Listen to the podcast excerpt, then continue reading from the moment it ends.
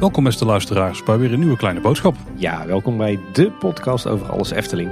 Met Tim Hinsen en Paul Sprangers. Paul, zit jij nou gewoon in eh, Hilversum dit op te nemen? Nee, dat valt mee Tim. Ik zit gewoon in Kaatsheuvel. Ik, eh, ik kijk naar jou eh, via een beeldschermpje op van mijn telefoon. En ik zie gewoon een akoestische achterwand. Ik zie een spanplafond met spotjes erin. Jij zit zowaar in eh, de nieuwe kleine boodschapstudio. Juist, de nieuwe kleine boodschapstudio. Ja, hij is qua ruimte zo goed als klaar. Binnenkort eh, dan gaat het allerbelangrijkste gebeuren. Dan komt de verwarming erin en de koeling. Want dat is gewoon een airco unit die beide kan. Dan kan ik erin. Maar ik heb er niks van meubels. Dus het wordt gewoon een schraapbureautje. En eh, de podcastopnametafel als ik die voor ogen heb. Die is dan ook nog niet. Want ja, ik moet nou natuurlijk meubels hebben. Maar het is niet echt het beste moment van, nou, laten we zeggen, de afgelopen 20 jaar om een keer meubels te gaan shoppen. Kijk, dus we hebben nu al een redactieteam. We hebben een studio. Nog even en we halen 3FM in qua professionaliteit. Nou, wie weet. Zeg Paul, zou het nou eindelijk zo ver gaan komen dat de Efteling binnenkort open gaat? Eh, mm, zal ik een voorspelling doen? Doe maar. Ik denk dat de Efteling in april open gaat. Ja, In april? ik heb een goede hoop op. Met Pasen ook toevallig of eh, dat dan weer niet? Ja, dat is misschien nog net aan de vroege kant, want dat valt dit jaar vroeg hè? Hmm, ja. Nou, ik zou het zelf wel lekker vinden als de Efteling met Paas weer, eh, weer open gaat. Ik heb zelfs al uh, alweer twee reserveringen staan. Voor de openingsdag 31 maart en voor eh paaszaterdag. Maar ik heb er eerlijk gezegd ook een hard hoofd in. Hoor. Was een beetje tegen beter weten in. Maar goed, daar gaan we het straks nog wel wat uitgebreider over hebben. Over de coronacrisis en alle gevolgen daarvan voor de Efteling. Maar laten we eerst gewoon lekker deze nieuwsaflevering induiken. Ja, dan beginnen we met de follow-up. Eerst wat follow-up op aflevering 201, de vorige nieuwsaflevering. Toen hebben we het gehad over de expeditie van de familie Vos. En eh, let op Tim, het is eh, ongekend, maar eh, hij is dus wel op DVD beschikbaar. Dat kregen we van meerdere luisteraars te horen. De film kan je gewoon bestellen bij Bol voor 8,99 op DVD. Het is geen geld. Ik moet bekennen dat ik hem inmiddels ook besteld heb. In de volverkoop. Op DVD ook. Op DVD, ja. Echt waar? Ja, ja, ja. Ja, die moet ik dan toch hebben voor de verzameling. Hè. En dan heb ik meteen ook een manier om te kijken. Ik moet nog wel wachten tot 23 maart. Dan komt hij pas uit. Maar dan gaan wij hem hier thuis eh, kijken van het DVD. Ja, we hebben volop reacties gehad van onze luisteraars eh, die de film hebben gezien. En die hebben allemaal een beetje dezelfde strekking. Hè. Puur en in de film is, eh, is nogal belabberd. Maar als je Efteling liefhebber bent, dan moet je hem echt gaan kijken voor de prachtige beelden van het park. En heb je kindjes, dan is het sowieso leuk om hem met de kinderen te zien. Dus, dus ik ben heel benieuwd of ik er ook hetzelfde over denk. Maar dat hoor je dan vanzelf eh, tegen de tijd dat ik hem gekeken heb. Zeg, en de vorige keer hadden we het ook over het eh, tv-programma Op zoek naar Maria. Waar onder andere Natasja Molly aan meedoet, eh, die we kennen als Jet en Jelka. Maar het blijkt dat er nog een Eftelingse deelnemer in dat programma zit.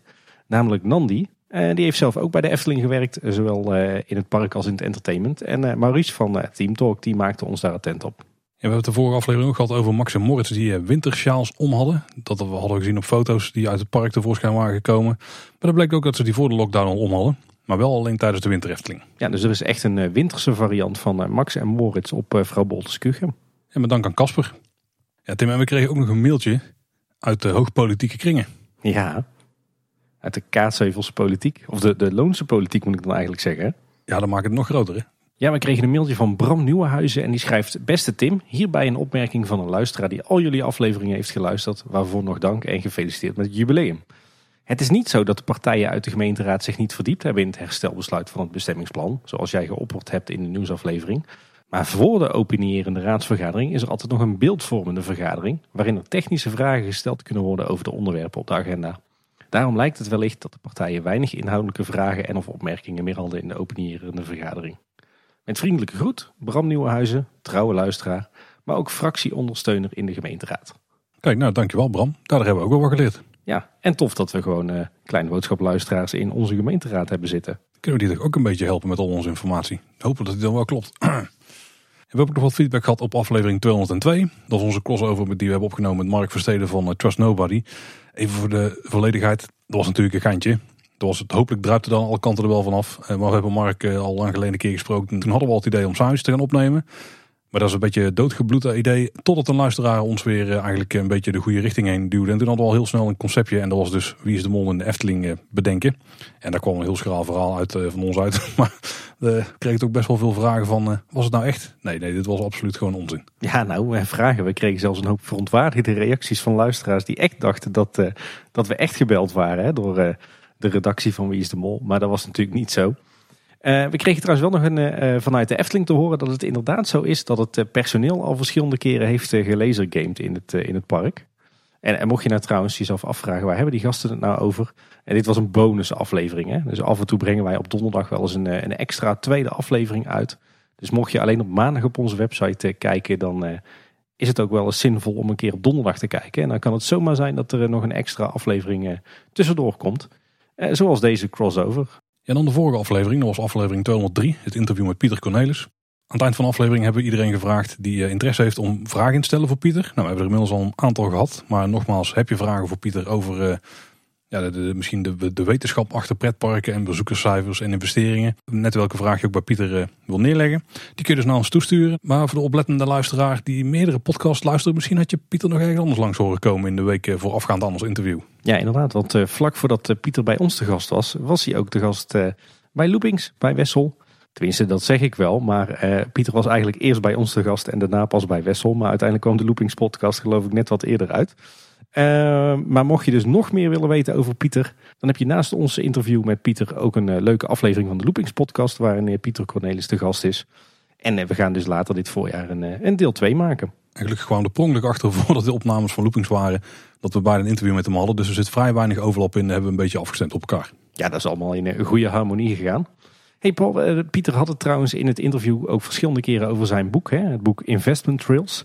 Uh, ik kon het toch niet laten, ik heb hem uh, inmiddels aangeschaft. Een stukje ingelezen al? Ja, een stukje ingelezen.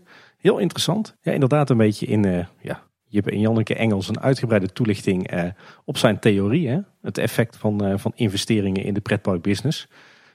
als je dat nou interessant vond in de aflevering, dan is het zeker ook de moeite waard om dat boek te kopen.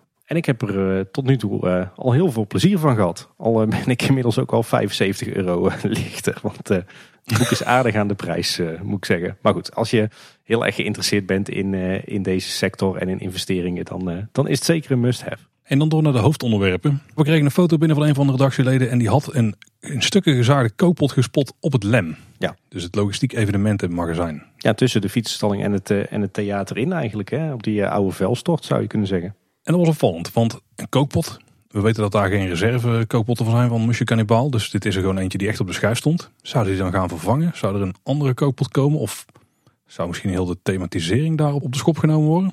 Ja, we hebben, we hebben inmiddels al aardig, eh, aardig hardnekkige geruchten gehoord dat er, eh, dat er misschien wel een eh, behoorlijk ingrijpende retheme aan zit te komen voor Monsieur Cannibal.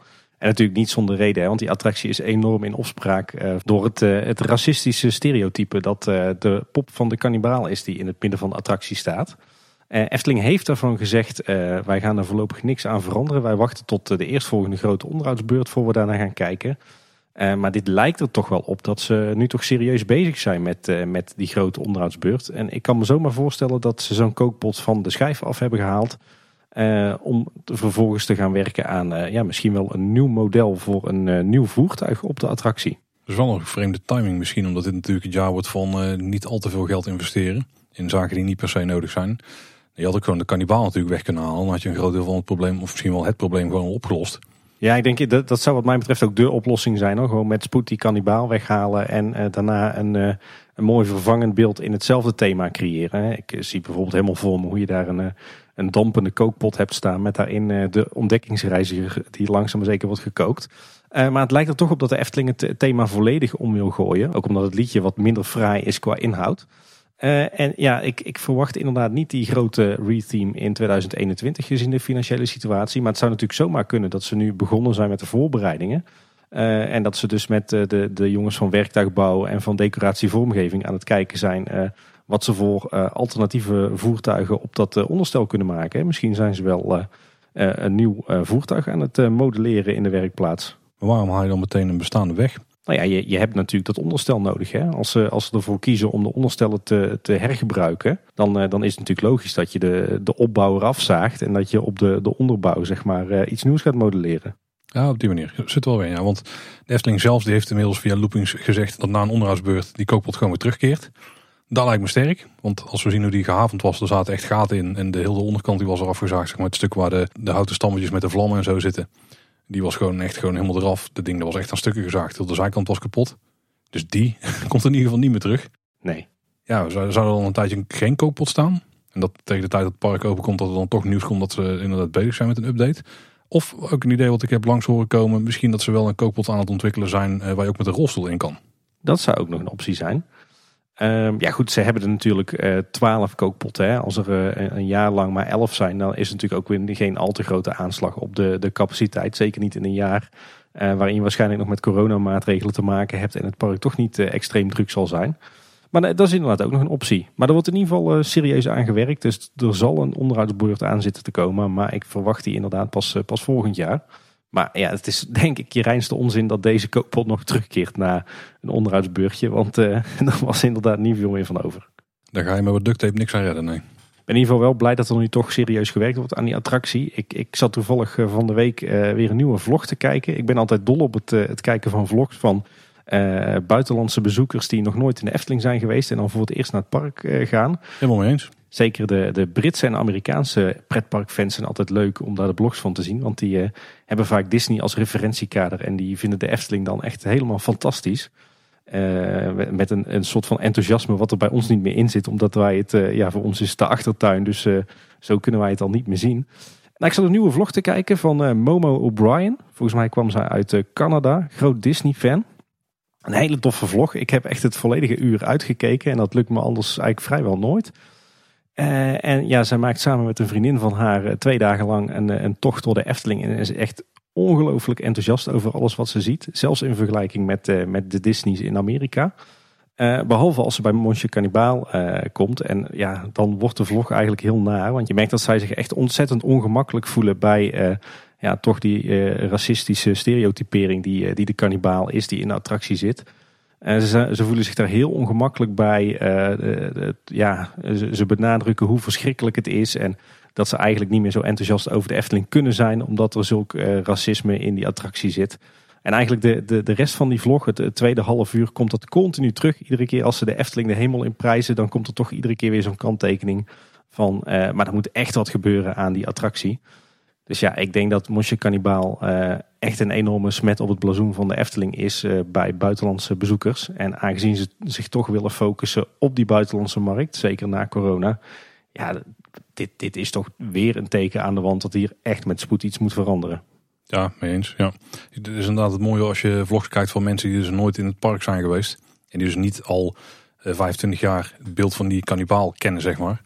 Krijg je dan één keer in een gezicht geduwd. En dan is het toch wel, denk ik, tekenend voor de tijden dat dit een reactie is. Overigens zijn ze volgens mij niet in Carnaval Festival geweest. Dan was ik nog wel benieuwd wat ze daarvan vonden. En volgens mij is de vlog opgenomen in december 2019. Ja, het was eh, voor de coronacrisis in ieder geval. Ze hebben lang gewacht met uitbrengen, want hij is echt afgelopen week pas uitgebracht. Ja. En ze hebben inderdaad onder andere Carnaval Festival, maar ook Ravelijn en de Fata Morgana gemist. Dus uh, ik geloof dat, uh, dat de dame achteraf ook zei dat ze nog een keer terug wilde komen. Nou, laten we hopen als ze terugkeert dat, uh, dat dan de kannibaal in ieder geval ook verdwenen is. En eh, wie weet wat eh, de attractie dan voor thema heeft. Hè? Even heel kort door de bocht. Ik zou het niet eens erg vinden als we gewoon die kannibalen eruit takelen. En dat er in binnen gewoon een, eh, betonnen paal staat. Ik weet niet waar dat ding op staat. Maar zou dat een metalen stelling zijn of zo? Ja, volgens mij staat daar inderdaad iets van, iets van metalen, metalen constructie. Ik zou dat ook helemaal niet erg vinden. Ik zou zeggen liever vandaag dan morgen die kannibaal uh, afvoeren. De verrijken erin steken, stropjes erom en afvoeren. En dan kun je daarna nog gaan nadenken of je daar iets anders in het midden wil neerleggen. Maar daar is dan geen haast bij. En, en daar, daar, kan van alles zijn. Het kan ook gewoon een grote fruitmand zijn, bij wijze van spreken. Maar ja, volgens mij is dat voor nu de, de goedkoopste, snelste oplossing. Dus ik zou dat meteen doen nu. Ja, misschien dat je met een stukje veiligheid zit dat die constructie er in het midden staat en dat die niet helemaal netjes afgewerkt is. Misschien dat er daarom iets meteen terug omheen moet komen. Nou, Oké, maar we gaan het afwachten. Ik ben al benieuwd als park open gaat hoe de attractie erbij ligt. Ja, toch weer een eh, projectje om te gaan volgen, denk ik. En dan wat nieuws rondom het Efteling Hotel, Tim. Ze zijn natuurlijk bezig met de renovatie van de comfortkamers. Die zit nu in de laatste fase. We, we zien nou flink wat bedrijvigheid. Hè. Er wordt flink wat meubilair geleverd. Interieurbouwers die zijn aan de slag om het allemaal eh, wat frisser te maken. En uh, de matrassen zijn volgens mij al geleverd. Ja, ik zag van de week fietste ik er langs. Toen uh, werd er net een, uh, een vrachtwagen vol matrassen gelost. Dus dan, dan weet je dat, dat de verbouwing echt in de eindfase zit. zou trouwens 8 maart klaar zijn. Als deze aflevering uitkomt zijn we een, is het een weekje later. Dus mogelijk zijn ze iets vertraagd. Maar ja, zolang het park niet open mag, maakt het natuurlijk ook helemaal niks uit. De Efteling Hotel is dan een vrij oninteressante plek om te zitten. Ja, verder viel me nog op dat er ook uh, inmiddels wordt gewerkt aan een renovatie van uh, de interieurs van de liften in het hotel. Dat was ook al eerder aangekondigd door de Efteling, maar dat wordt nu uitgevoerd. En ik zag ook dat de glazen luifel uh, van de hoofdentree werd verwijderd.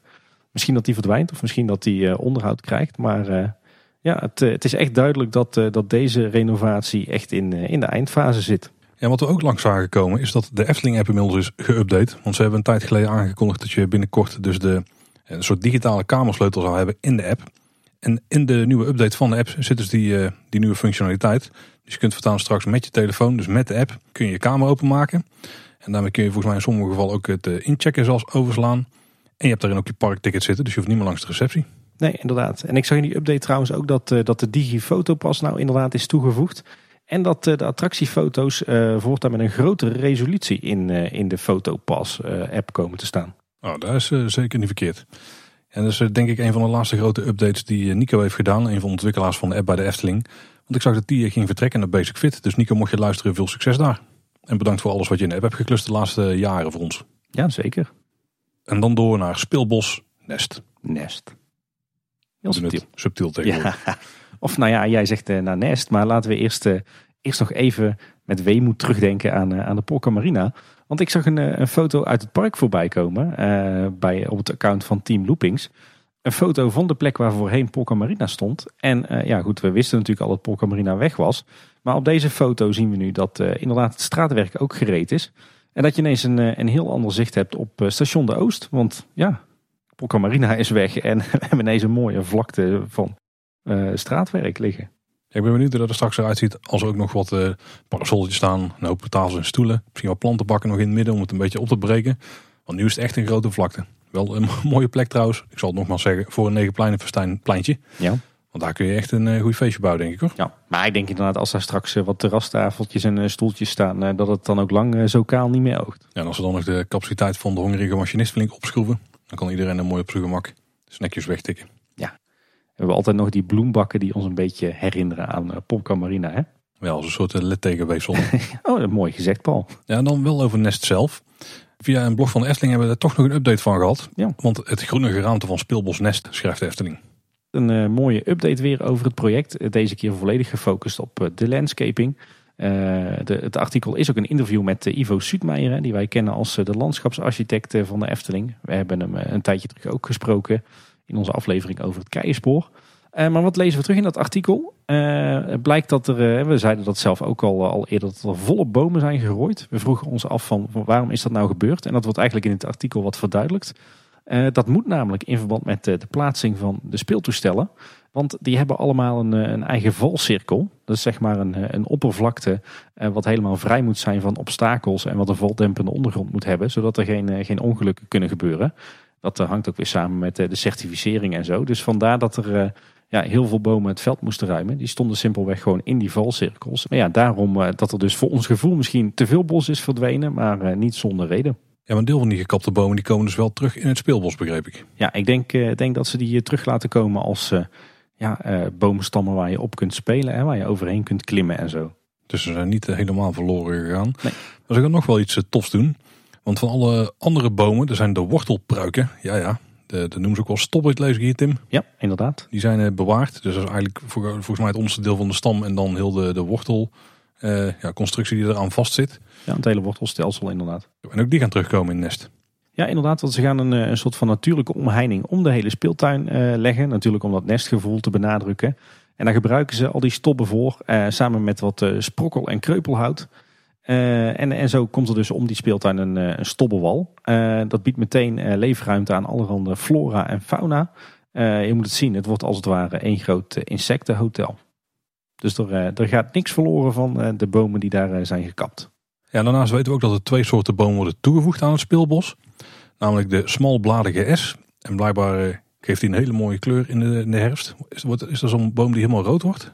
Dat is inderdaad een boom die wordt helemaal uh, rood-oranje in de winter, ja. Of in de herfst. Een beetje vergelijkbaar met wat er op de parkeerplaats gebeurt. Ja, inderdaad.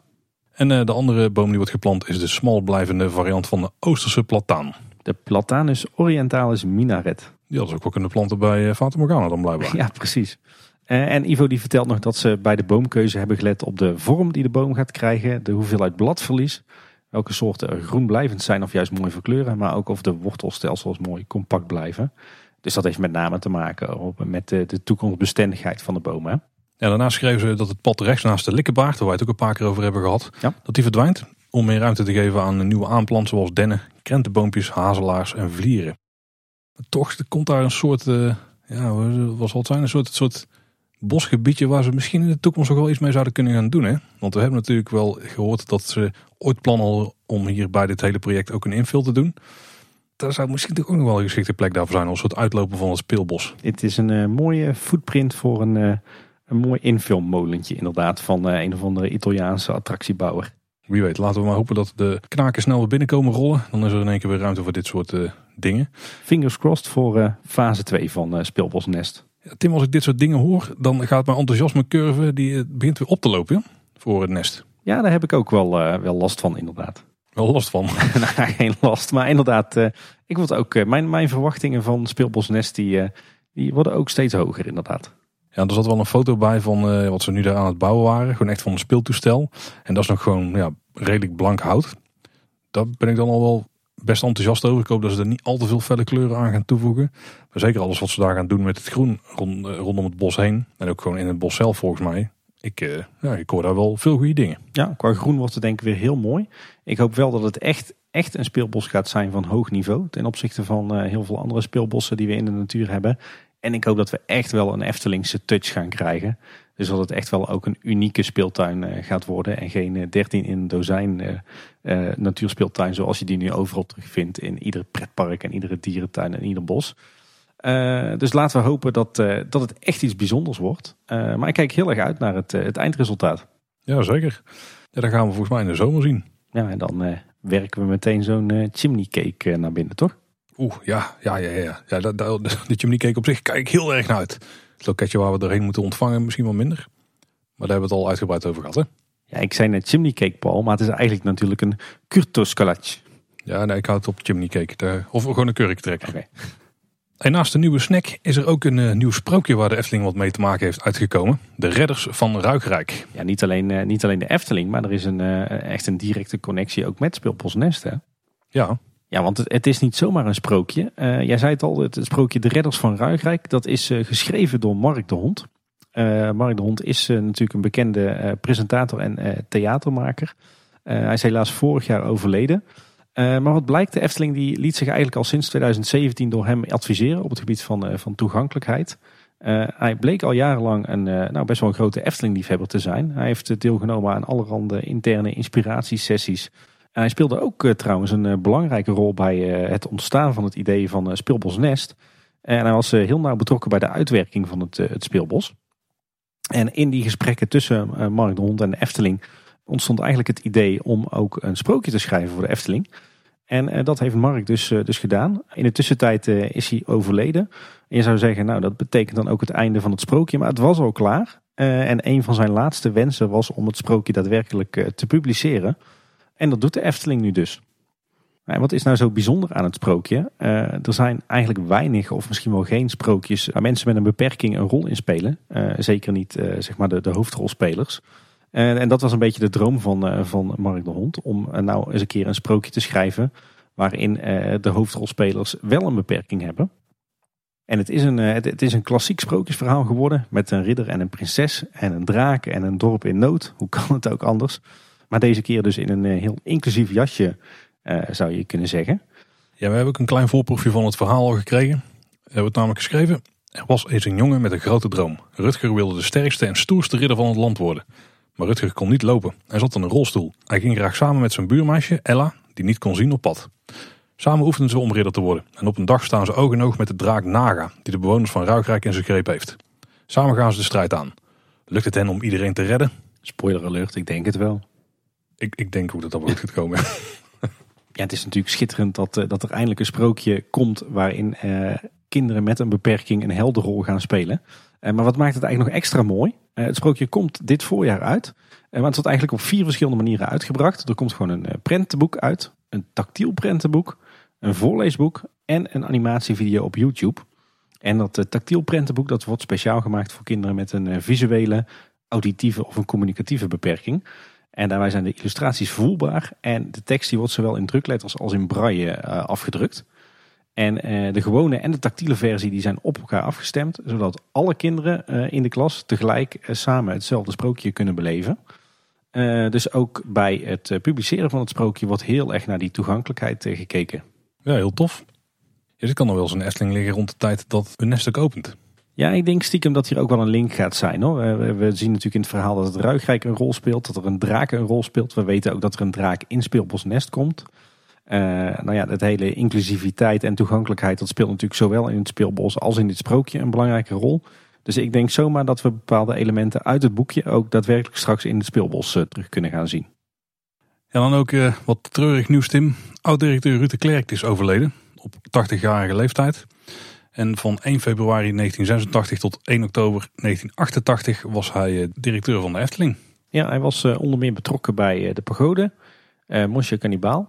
Uh, maar ook de plannen voor de wereld van de Efteling. Uh, zoals uh, Cosmo Science Center en het, het zwemparadijs. Maar zeker ook de verblijfsaccommodaties die moesten gaan komen. En hij was naar verluid initiatiefnemer van Efteling España. De Spaanse versie van de Efteling die er zou moeten gaan komen. Weer een van de besnoorde algemeen directeuren. Nou, uiteindelijk is hij weggegaan of ontslagen bij de Efteling omdat hij te weinig overlegde met de Raad van de Commissarissen en Stichting Natuurpark de Efteling. Ja, hij is echt wel ontslagen hoor. Hij kreeg na verluid echt wel een ontslagbrief op de deurmat. Eh. Maar later toch nog aan de slag gegaan als directeur bij onder andere Avonturenpark Hellendoorn en later ook het Dolfinarium. En bij de laatste, ja, er waren wat financiële uh, situaties die niet helemaal door de beugel konden. En toen is hij nou ja, in Zuid-Afrika gaan wonen. En daar is hij wijnboer geworden. En mocht je nou meer over Ruud willen weten, dan is het denk ik het beste om het interview met Ruud de Klerk te kijken wat de Vijf Sintuigen heeft gemaakt en online even zit op YouTube. Ja, en we zullen die link natuurlijk ook weer in de show notes zetten. Ja, en dan nieuws over een onderwerp wat ik niet had verwacht dat we er ooit in een kleine boodschap zouden gaan behandelen. Nee. Er is gewoon iets te vertellen rondom Café de Efteling. Ja, voordat we dat gaan doen, misschien even een kleine introductie voor, uh, voor onze luisteraars die, uh, die niet aflevering 106 hebben geluisterd. Waarin we een uitgebreide ronde door de hele wereld van de Efteling uh, maken. Want wat is nou Café de Efteling? Het is niet een horecagelegenheid van de Efteling zelf. het is een van de laatste overblijfselen van het buurtschap de Efteling. zeg maar het, het gehuchtje. Eh, het café is eigenlijk van oorsprong een tolhuis langs, eh, langs de Horst. Dat was toen de grote weg tussen Tilburg en Waalwijk. En dat is later ook een, eh, een café geworden dus. Heeft eigenlijk nooit een band gehad met, met, met de Efteling zelf. Maar had gewoon een functie in dat buurtschap. En waar ligt het nou? Ja, het ligt aan de oude Horst dus. En dan net iets ten zuiden van de Pietel. Ja, je hebt er eerst het Brabant Watertrein. Dan krijg je een stukje bos. En dan heb je een uitstulping aan de linkerkant zitten. Tenminste als je naar het zuiden rijdt vanaf de Efteling. Met Café de Efteling inderdaad. Ja. Een beetje eh, heel schuin tegenover die eh, bolle akker. Of een van de ingangen van het Loonse Land. Ja, inderdaad. Overigens is dit niet meer het, eh, het oorspronkelijke tolhuisje uit de 19e eeuw. Dat werd namelijk aan het eind van de Tweede Wereldoorlog zwaar beschadigd. De munitionsausgabe stellen die lag daar natuurlijk vlakbij in de Loonse Duinen. Dus begin jaren 50 werd het herbouwd. En dat is eigenlijk het, het gebouwtje wat er nu nog staat. Is lang nog een café gebleven. maar nadat ze de N62 hebben aangelegd, de, de snelweg tussen Tilburg en Waalwijk, werd Horst natuurlijk gedegradeerd tot een, uh, ja, eigenlijk een soort tweederangs weg. En eind jaren tachtig stierf het café dus langzaam maar zeker een stille dood. We zijn er toch vroeger nog wel een paar keer geweest. Ik kan me nog wel herinneren dat we buiten op het terras hebben gezeten en daar in de speeltuin hebben gespeeld. Maar dat is lang geleden. Dan, maar dan is het, was het toch in de jaren negentig nog vrij actief dan als café? Nou, was ook eind jaren 80, begin jaren 90. Ja. ja. Ben ik al zo oud? Maar we zijn natuurlijk niet om een lesje geschiedenis te geven. Daar hebben we andere afleveringen voor. Want waarom hebben we het hier nou over? Nou, Fons, ons Fons, de algemene directeur van de Efteling, die had een Instagram post geplaatst met het uithangbord van Café de Efteling. Dus het, bord wat daar buiten hing onder het bord van het biermerk wat daar geschonken wordt. Was dat Heineken volgens mij. En er stond een hashtag bij. Nieuwe kansen en uitdagingen. Hmm. En dat leidde meteen tot speculaties onder de fans. Hè? Want volgens mij waren er best wel wat liefhebbers die dachten dat uh, de Efteling zelf dit café ging uitbaten. Ja, de kans dat de Efteling hier zelf iets mee gaat doen lijkt me toch vrij klein. Als in dat ze daar echt gewoon een café gaan uitbaten op die locatie. Uh, misschien uh, dat Fons iets hinten. Misschien gaat hij wel een cafeetje in zijn eigen tuin maken of zo. Hij, hij heeft als hobby bier brouwen, toch? Ja, daar zie ik hem nog best wel voor aan, ja. ja. Nee, wat ik denk dat hier eigenlijk gaat gebeuren is dat het, het gebouw binnenkort gesloopt gaat worden. Jij zei al inderdaad, Paul, het, het is een tijd geleden overgekocht. het is nu ook eigendom van, van de Efteling. Een aantal maanden geleden werd het ook helemaal dichtgespijkerd. Uh, we zagen ook wat foto's uh, dat uh, de beveiliging af en toe een oogje in het cel houdt daar. waarschijnlijk om te voorkomen dat het gekraakt wordt. Dus ik denk zomaar dat ze nog wat, uh, wat dingen met waarde uh, uit het gebouw hebben gehaald of van het gebouw hebben geschroefd en dat ze dat bij Fons op zijn bureau hebben gelegd.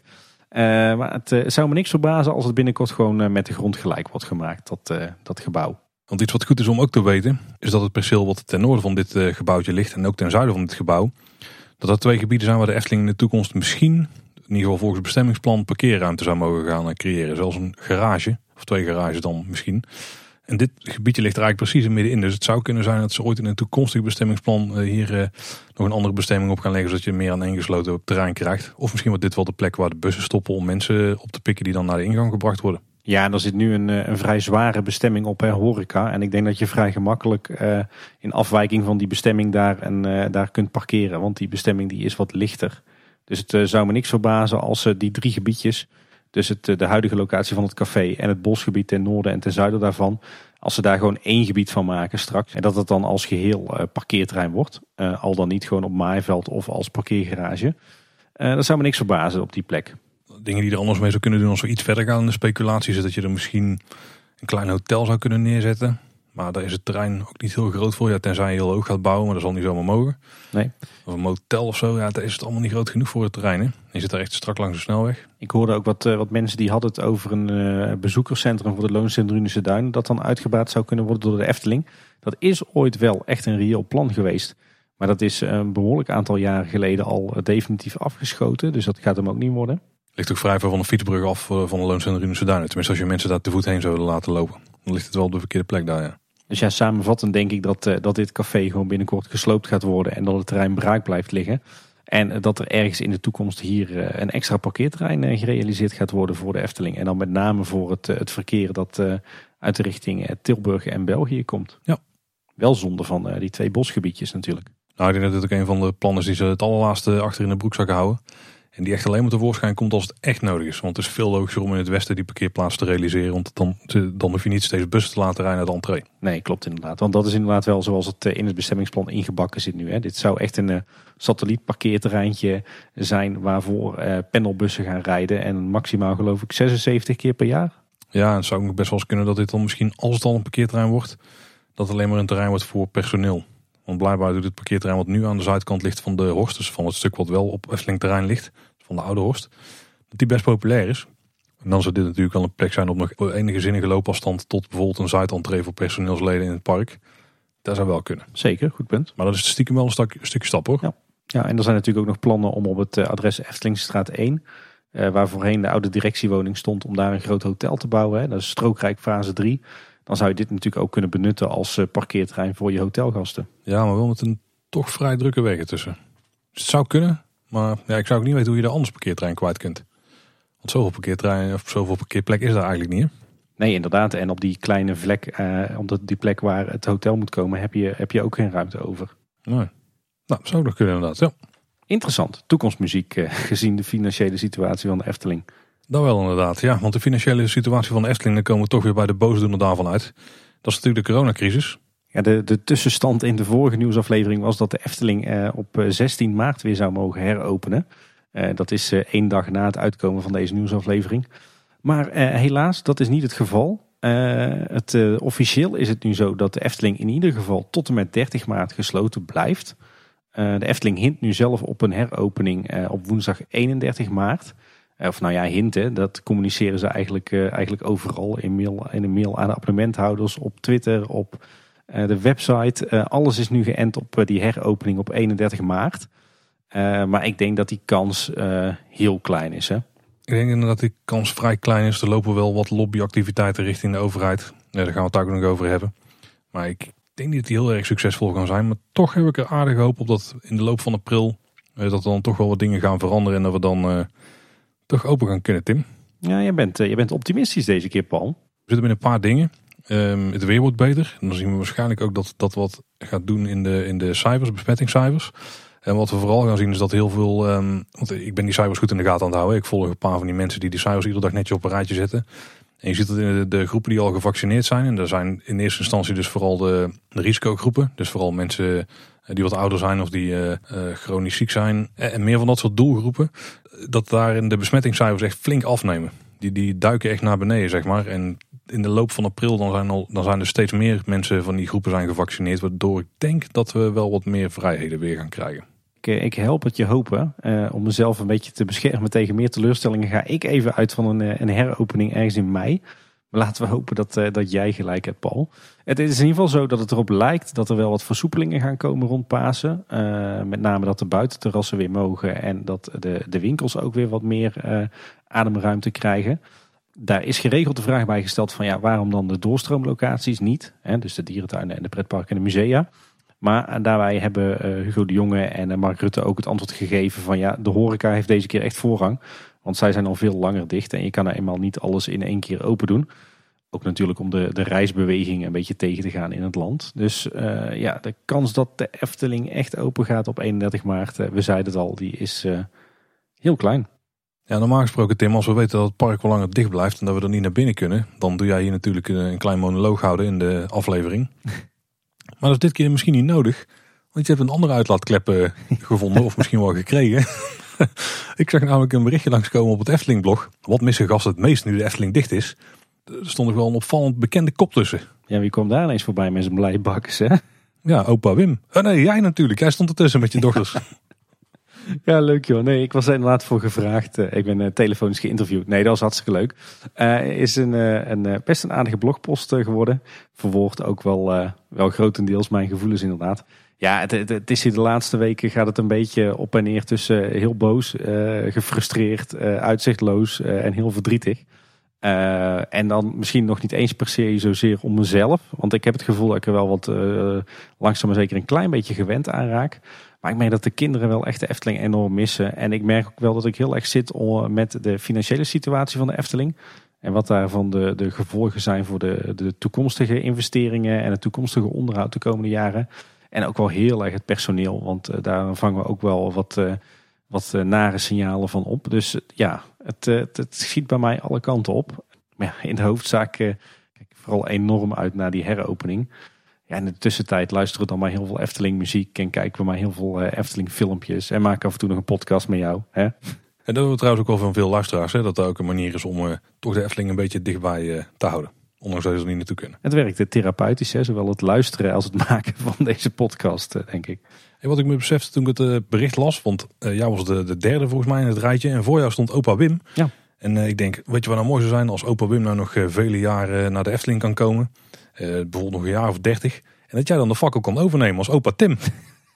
Ja, en dan zal je toch even een, een woordje moeten wisselen met mijn twee dochters, Paul. Ja, ik denk eerlijk gezegd dat opa Tim ook net zo'n Efteling liefhebber zal zijn als opa Wim nu is hoor. Ik eh, denk het ook wel voor iedereen die Opa Wim niet kent trouwens. Die komt al 25 jaar uh, bijna dagelijks in het park. Maar die moet nu natuurlijk al een enkele maanden zonder stellen. Arme opa Wim. Wij zijn ook fan van hem hè? Zeker, ja. Hey, weet je wat ik me trouwens afvroeg Paul?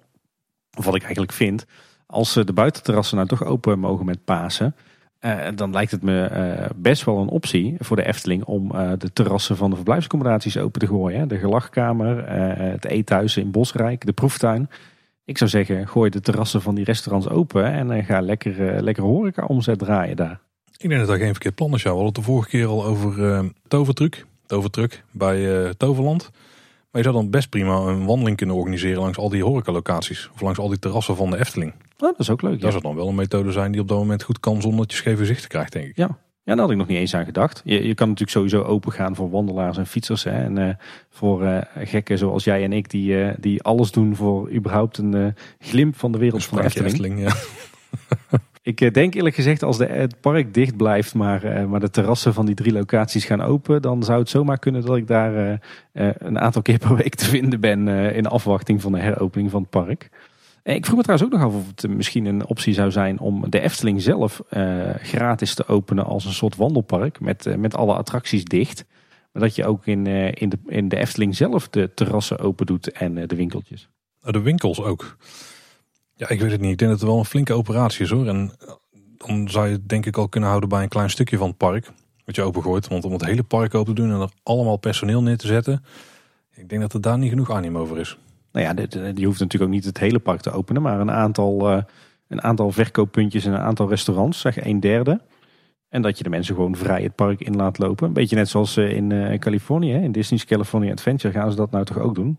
Ja, daar heb je natuurlijk wel handige main streets waarbij alles bijna aan het begin van het park zit. Maar ja, ja ik zou er niet op tegen zijn, nee. Maar ik weet niet of het financieel heel interessant is. Een klein beetje omzet wat je haalt. Ja, de personeel betaal je toch. Goed voor de omzet, goed voor het moreel. Ja, dus het kan interessant zijn. Misschien qua inkoop wel een lastig verhaal. Qua inschatten hoeveel je nodig hebt. Maar ik denk dat het stiekem best wel eh, flink gaat lopen. Ja, ik denk de eerste paar dagen wel. Ik denk dat ze niet vanuit moeten gaan dat dat een lange termijn oplossing is. Want ook bij die tovertruc van Toverland zag je dat heel veel mensen snakten naar een stukje, ja, eh, we moeten noemen, immersive entertainment bij wijze van spreken. Alleen dat het inmiddels die populariteit van die kar ook wel flink aan het afnemen is hoor. Ja, dat is waar. Die foto's hebben we ook gezien. Nou, misschien dat het dan inderdaad goed is om gewoon eens te beginnen met de, gelachkamer, het eethuis en de proeftuin. Daar zou ik sowieso doen, ja. Ja, oké, misschien de proeftuin dan niet. Sowieso het eethuis zou kunnen. En de gelachkamer hangt er heel erg af van of dat het hotel klaar is op dat moment. Ja, en dan een paar eh, flinke borden op straat natuurlijk wel die de wandelaars en de fietsers naar binnen halen. Ik eh, zie het wel gebeuren. Hey, we, we zeiden het net al, hè? de Efteling die, eh, die gaat zelf nu een volle bak uit van heropening op woensdag 31 maart. Je kan ook alweer reserveren, zowel als abonnementhouder als gewoon betalende gast. De Efteling heeft de periode 31 maart tot en met eh, 30 mei eh, 2021 opengezet. Heb jij al gereserveerd, Paul? Ik ga waarschijnlijk, als het kan, toch gewoon voor een last minute. Ah. Dus eh Ja. ja, reserveren is dan niet nodig. Hè? Tenminste, niet zo vroeg van tevoren. Nee, dat is ook weer zo. Nou, ik moet ook zeggen, ik, ik heb gereserveerd tegen beter weten in, maar toch voelde het verkeerd om het niet te doen. Dat twee keer reserveren is trouwens wel echt een hele goede oplossing, vind ik. Ja, zeker. En dan heb je ook nog de last minute mogelijkheid. Ja, superhandig. Ja, wat trouwens eh, leuk is, is dat, eh, dat ook de openingstijden voor die periode weer bekend zijn nu natuurlijk. eh, voor eh, ja, zeg maar april en mei. Door de week is de Efteling van 10 tot 6 open. En in eh, alle weekenden in eh, april en mei. En eh, van 24 april tot en met 16 mei. Dat is zeg maar de, mei, de meivakantie plus een weekje daarna. En op 24 en 25 mei, dat is tweede Pinksterdag. En de dag erna, dan is het park van 10 tot 7 open. Ja, netjes. Op dit moment kun je reserveren vanaf de 31ste. Want ze willen natuurlijk heel graag open. En daarom heeft de Club van Elf ook een brandbrief gestuurd naar het kabinet. Maar tot nu toe heeft hij weinig effect gehad.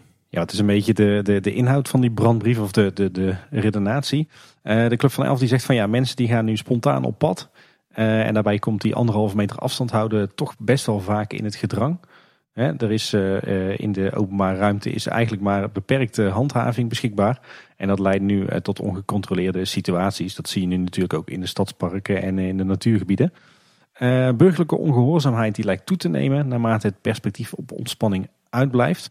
En ze geven aan van ja, eh, we weten van vorig jaar dat, eh, dat we juist in de pretparken en in de andere doorstroomlocaties een veilige omgeving kunnen creëren. Dat daar maar liefst 60.000 getrainde medewerkers paraat staan om eh, gasten op die anderhalve meter afstand te ontvangen. Met de hygiënemaatregelen en communicatie. Dus redeneren zij, door nu de pretparken en de dierentuinen te openen, haal je juist die druk van de publieke ruimte af. Hè, van de stadsparken, van de stranden en de natuur. Net zoals vorig jaar. Eh, en, en ga je dan open, dan kan je er ook voor zorgen dat eh, de verliezen in de sector in 2021 beperkt blijven. En een ander voordeel als je open gaat, is dat je eh, de verliezen in de sector in 2021 nog enigszins kunt beperken. Ja, Marcia van Til, dit is de voorzitter van de Club van Elf op dit moment.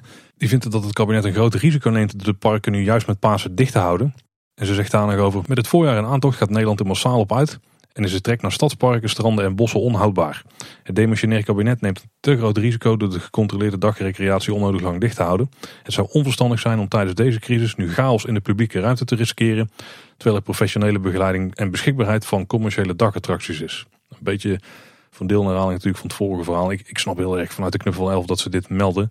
Eh, wat me trouwens opviel, 60.000 getrainde medewerkers. Zijn er er echt zoveel als je alle dagattracties vaker optelt? Ik vraag mij dat af. Ik bedoel, de Efteling is toch een enorme speler met eh, 3000 medewerkers. Waar komen dan al die andere 57.000 vandaan? Als ik dan goed uitreken, dan zijn er volgens mij, dan zouden er nog 19 vergelijkbare dagattracties moeten zijn in Nederland. Nou, er zijn denk ik maar 19 grote andere dagattracties, denk ik.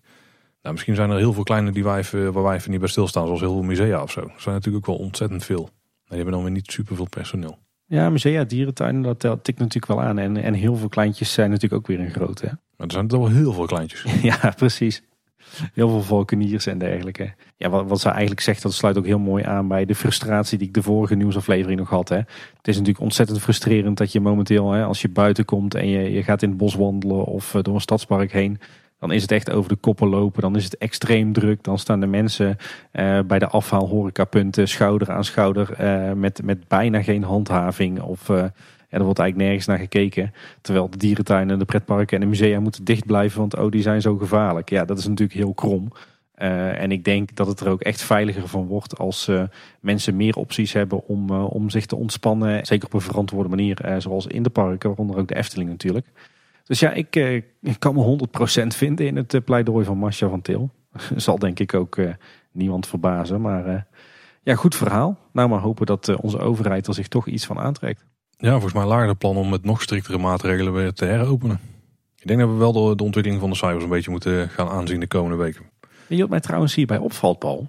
Als jij retorische vragen gaat stellen, Tim, dan uh, moet ik er altijd een slecht antwoord op verzinnen. Dat zou ik niet meer doen dan. Of je kijkt gewoon in een draaiboek en dan zeg je, ja, dat weet ik wel, want er staat bij de volgende bullet. nee, zo voor de hand tegen zou ik het ook weer niet maken. Uh, wat je opvalt, Tim, is dat Masha niet alleen eh, zichzelf goed kan kleden, maar ook goed kan schrijven. En er ook nog eens goed uitziet voor de leeftijd. Nee, wat mij heel erg opvalt is dat de Efteling natuurlijk vorig jaar continu op de barricade stond. Om aan te communiceren hoe veilig het was. Uh, en wat voor zwaar jaren ze hadden. En hoeveel verliezen ze leden. En dat ze zo hun best deden om zoveel mogelijk personeel binnenboord te houden. Maar dat het toch echt een financieel rampjaar was. En sinds de jaarwisseling is het uh, doodstil hier in Kaatsheuvel. Ja, we krijgen af en toe een blogberichtje. En we krijgen we volgens mij nog één of twee interviews met fondsen langskomen. Met dezelfde strekking. Dat was het een heel eind, Nou, valt jou niet op dat de Efteling ineens heel terughoudend is met communiceren over uh, de coronacrisis en de financiële situatie ten opzichte van vorig jaar? Ik denk dat ze het idee hebben dat ze, dat ze hun eh, zegje wel gedaan hebben en dat ze heel erg hopen dat het later dit jaar beter wordt. En dat ze initiatieven over uh, het heropenen richting de regering, dat ze die gewoon allemaal via de Club van de Elf spelen.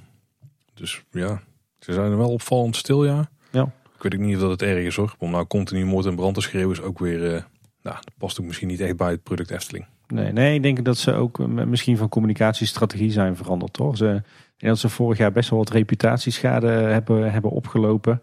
Ook door iedere keer maar die discussies van is het nou veilig of niet? Is het nou te druk of niet?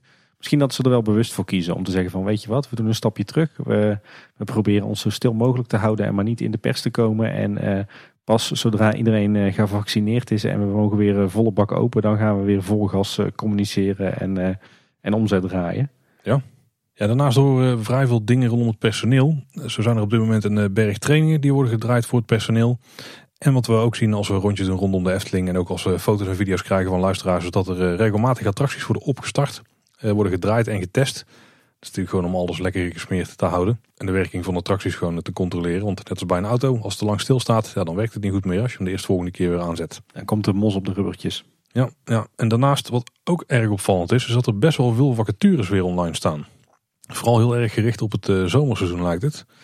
Uh, zo zijn er vacatures voor uh, medewerker horeca park, medewerkers bij attracties, medewerkers bij de entree, bij de horeca hotels en resorts, bij de merchandise afdeling en ook nog voor bijbanen als medewerker voor het park of hotels en resorts.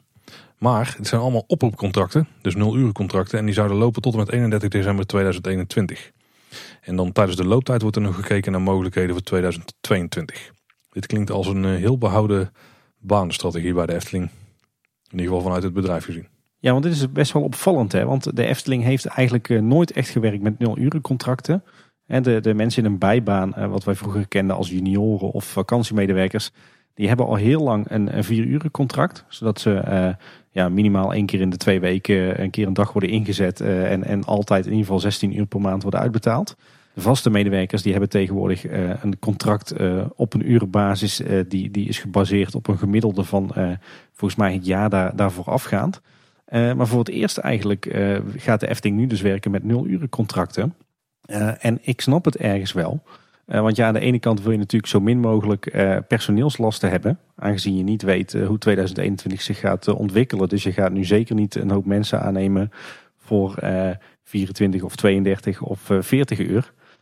Ja, aan de andere kant, je wil natuurlijk ook niet hebben dat als je dan straks in mei of juni uh, volle bak mag gaan draaien en, uh, en je wil zoveel mogelijk omzet gaan, uh, gaan draaien, dat je dan ineens geen medewerkers hebt. En daar is zo'n zo'n oproepcontract op nul uren basis is voor de werkgever natuurlijk ideaal. Ja, en er zit nog een aspect aan. Kijk, je hebt natuurlijk mensen met bepaalde tijdcontracten nu rondlopen binnen de Efteling. En als, de, als die of een aantal jaar zo'n contract die we hebben gehad, of ze hebben een aantal van die contracten achter elkaar gehad, dan moet je die mensen een contract voor onbepaalde tijd aanbieden. En dat is misschien ook een. eh, ja, dit, is heel vervelend voor die medewerkers zelf natuurlijk. Want er is ook wel wat onvrede bij de mensen die in die situatie zitten. Er zijn natuurlijk een hoop junioren waar dat het geval voor is.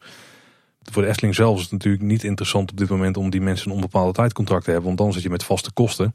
En als die mensen dan wel weggaan, tenminste als je ze dan uiteindelijk zou moeten ontslaan, mocht eh, dat moment daar ooit eh, zijn, laten we hopen van niet. Dan kost het ook nog eens geld om, ja, om die mensen uit te kopen, zeg maar. Dus ik denk dat ze daarom heel terughoudend zijn. En wat, in principe ook was gezegd, is dat ze die contracten niet zouden verlengen. Nou, daar zijn ze wel enigszins op teruggekomen. Eh, want wat we nu hebben gehoord is dat de junioren in ieder geval tot en met 31 december dit jaar contractverlenging zouden krijgen. Maar daarnaast ook weer onzeker natuurlijk wat er gaat gebeuren. Het zal ook heel erg liggen aan hoe de situatie zich ontwikkelt. De mensen die dus nu met die contracten bij de Efteling zitten, die worden een beetje aangemoedigd om ja, misschien ontslag te nemen. Of als ze lang genoeg hebben gewacht en weer aangenomen worden, dan begint de contractketen weer opnieuw. Dus dan begin je in principe weer aan de, situatie van dat je weer drie bepaalde tijdcontracten moet krijgen voordat je een onbepaalde tijd contract krijgt. Ook niet echt heel tof natuurlijk. Maar ja, als dat een manier is waarop je aan de gang kunt blijven. Maar het is ook een beetje een belofte die je niet echt eh, na kunt komen. Volgens mij is het ook op het randje van. Want, ja, het is precies op het randje van wat mag eh, volgens de wet. Ja, mm, ik snap wel dat er eh, wel onvrede is bij die mensen. Dit is niet, niet heel tof. Ik snap het heel goed vanuit de Efteling. Maar ik snap het ook heel goed vanuit de medewerkers dat ze daar niet blij mee zijn. Nee, want inderdaad, en ook sowieso als je dan solliciteert op zo'n eh, zo'n nieuwe baan met zo'n nul uren contract. Ja, je, hebt ook nul zekerheid. Hè? Bedoel, Het kan best zijn dat je maandenlang niet wordt ingezet en dus geen inkomen hebt. Eh, maar, maar als ze je dan wel eh, nodig hebben, dan kan je opgeroepen worden. En dan kan je bij wijze van spreken 40 uur in de week moeten werken. Dus ja, wanneer solliciteer je dan op zo'n functie? Ja, ik weet het ook niet. Het klinkt een beetje als hoe het er vroeger aan toe ging natuurlijk. Dan hebben we het echt over twintig jaar geleden. Ja, maar dan had je natuurlijk nog wel iets van baanzekerheid. Hè? Want dan wist je dat je het hele hoogseizoen aan de bak moest. Maar ja, nu hangt het natuurlijk ook maar net af eh, van wanneer mogen ze weer open. eh, met welke capaciteit. Hebben ze dan genoeg aan het huidige personeel of niet? En als ze het niet redden, dan word je opgeroepen. Ik heb, ik heb zelfs even zitten denken. Ik denk, moet ik niet solliciteren? Als, dan, als ze dan een kindje me nodig hebben, dan neem ik gewoon een dagje vrij op mijn. eh, dan neem ik gewoon een, een dagje vrij bij mijn huidige baan. En dan val ik gewoon een dagje in op de Efteling. Dat kan natuurlijk wel met zo'n nul uren contract. Maar dat zal wel niet helemaal de bedoeling zijn. Je hebt ook vrij veel vakantiedagen misschien wel over. Dus wat dat betreft zou het kunnen. Maar ik denk niet dat dat de bedoeling is. Nee, maar je kan natuurlijk niet, eh, niet een huishouden draaien en, en maandlasten betalen op basis van een nul uur oproepcontract. Hè? Ja, misschien dat ze een bepaald type... Dat ze mensen zoeken die dat niet per se nodig hebben of zo. Misschien, ja, ik heb geen idee. Ja, dat is ook wel een beetje waar de onrust nu vandaan komt. Hè? Kijk, in principe als je nu bij de Efteling werkt met een, eh, een vaste aanstelling, eh, heb je gelukkig eh, weinig last van deze crisis. Alhoewel de dertiende maand hebben ze natuurlijk moeten inleveren. En we horen ook wel eh, vanuit verschillende kanten signalen dat eh, het personeel wordt verzocht om zoveel mogelijk verlof op te nemen nu.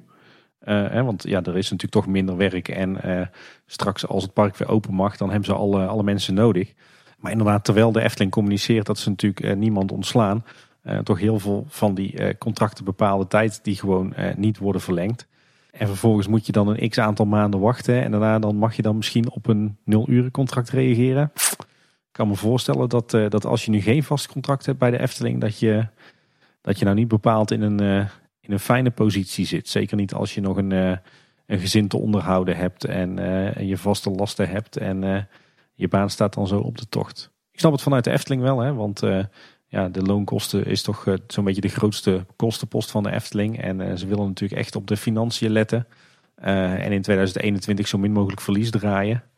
Maar ja, voor de, de mensen die geen vast contract hebben en die nu bij de Efteling werken, is dit natuurlijk wel heel zuur en heel onzeker. Ja, we hadden het al over een lijstje vacatures. Maar die zijn er ook voor meewerkstages. En die zijn er dan weer bij de horeca hotels en resorts. Bij de gastenservice, attracties, entree. Het Efteling Contactcenter, horecapark, de groendienst en front office hotels en resorts. En eh, daar staat wel een standaardvergoeding tegenover van 350 euro per maand. Maar daar draai ik wel vrij veel uren voor natuurlijk. Waarvoor stagevergoeding eh, toch best netjes volgens mij. Ja, dus eh, mocht je nog op zoek zijn naar een stage, dit is denk ik je kans om bij de Efteling binnen te komen. En dan het blokje wat vrij lang leeg is gebleven. Maar we op de valreep toch nog aardig hebben kunnen vullen. Het onderhoud. Ja, mijn eh, favoriete categorie inderdaad. En jij zei het al, gelukkig, eh, gelukkig hebben we nog wat onderhoudsnieuwtjes eh, te melden. Al is het grotendeels wel gebaseerd op wat we natuurlijk van, van buiten de parkgrenzen kunnen zien. Eh nou ja, wat dingen die we inderdaad kunnen zien. Bij de Vliegende Hollander wordt al een paar dagen volop getest. Dat kregen we ook van een enorme berg luisteraars binnen die, die meldingen. Dat is heel mooi.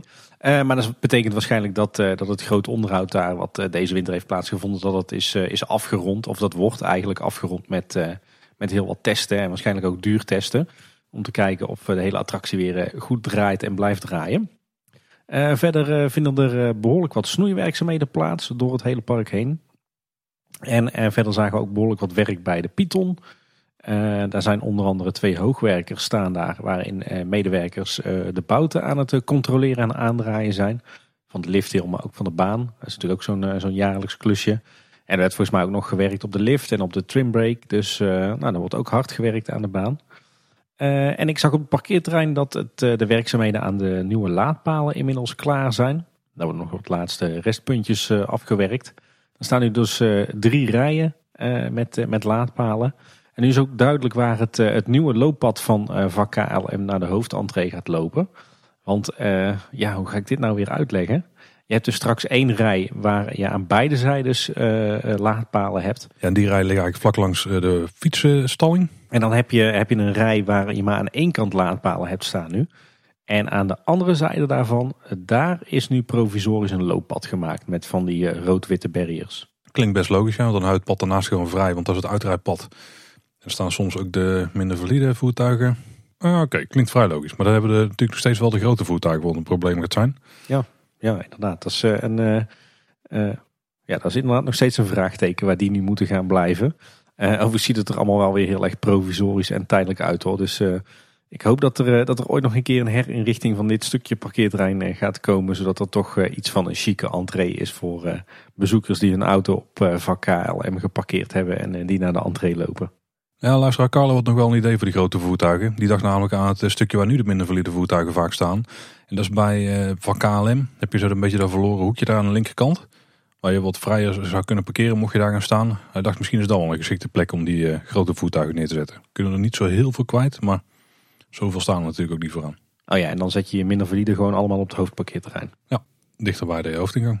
Nou, zit wat in. Verder kreeg ik ook nog een eh, kleine update dankzij wat, wat foto's die medewerkers op social media hadden gezet. die foto's die hebben we allemaal natuurlijk driftig zitten bestuderen.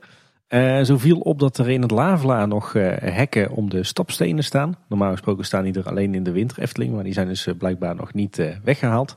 En dat de vijver bij het kasteel van Doornroosje leeg staat. En daar is op zich natuurlijk ook wel wat voor te zeggen, want ja, zolang het park niet open is, hoef je daar natuurlijk ook geen water in te zetten. Dan wordt die vijver ook niet onnodig vies natuurlijk.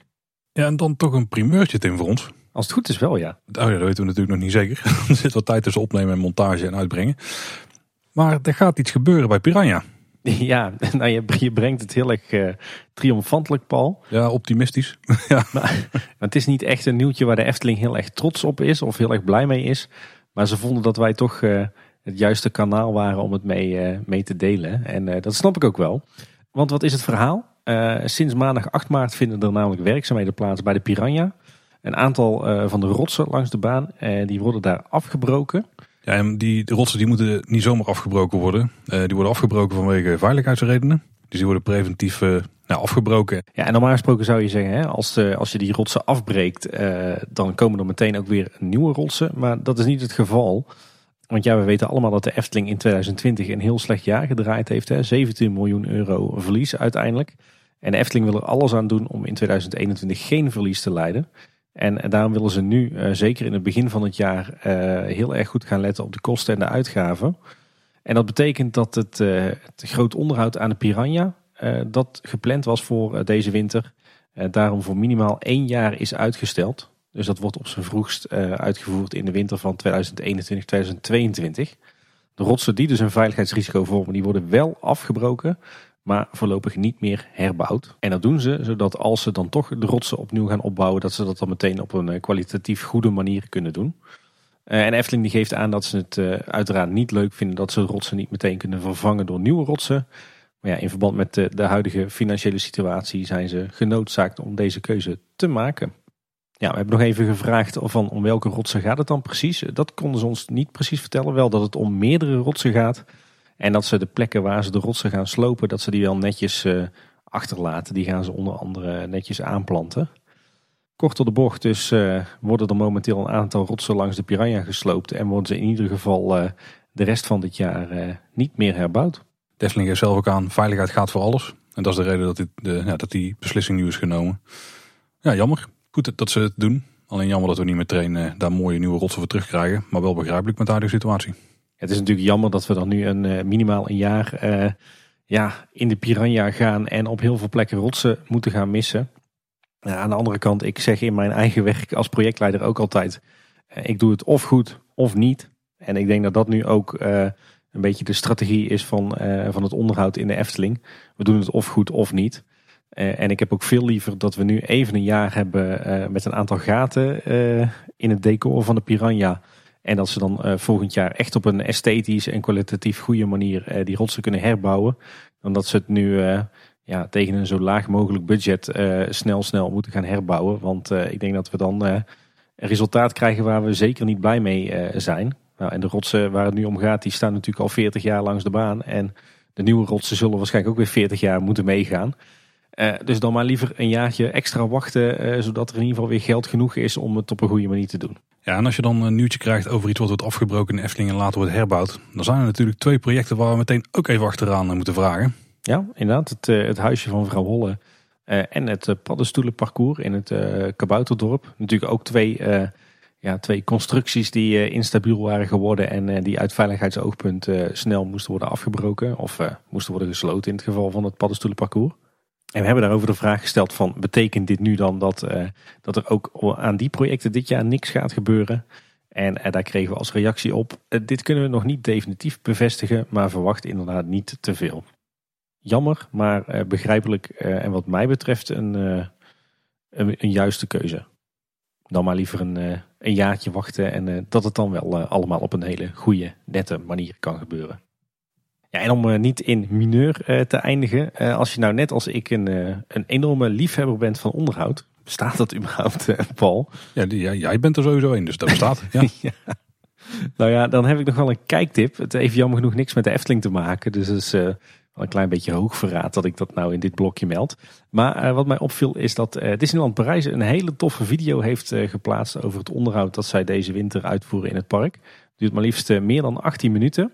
En daarbij eh, krijg je een eh, kijkje achter de schermen bij eh, het onderhoud aan de winkeltjes in Main Street USA, maar ook aan de ombouw van de verlichting in Pinocchio en onderhoud aan decoratie en vormgeving in de Tower of Terror.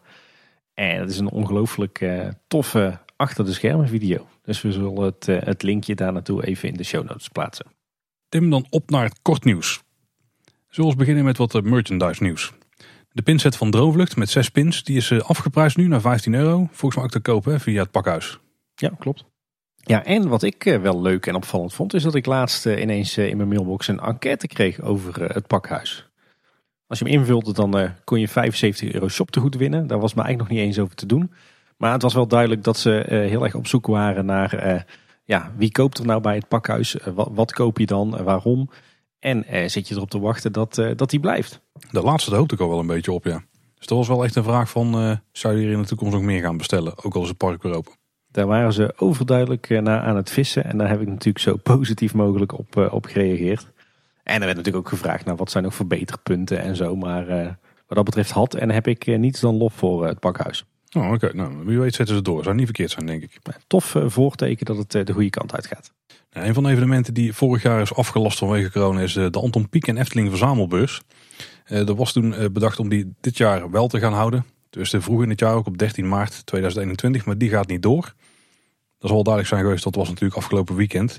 Er is wel plan nu om een volgende editie te organiseren en dan eind dit jaar in oktober. De exacte datum die komt dan later nog naar buiten. En er wordt dit jaar ook een make-over gedaan van de beurs, een uitstraling en de communicatie. En er komt een nieuwe naam en een nieuwe website en als het goed is, gaat het allemaal plaatsvinden op een grotere locatie. Dus we hebben er zelf eh, veel vertrouwen in. Flinke, flinke ingrijpende plannen voor de Anton Pieck en eh, Efteling verzamelbeurs. Iedereen hunkert er misschien maar na, hè, na anderhalf jaar waarin het niet door is kunnen gaan. ja, inderdaad. En dan nog een update over Efteling Kids Radio. Vanaf 1 april zijn de DJ's niet meer uh, aanwezig op de zender. Maar het wordt nu al enigszins afgebouwd, want we zien steeds meer uh, posts naar buiten komen dat DJ's weggaan. Uh, zo is de doordeweekse middagshow met Tessa Mol en Mark van Poppel al gestopt. DJ Mark heeft nog wel een show op de vrijdagen van 4 tot 6.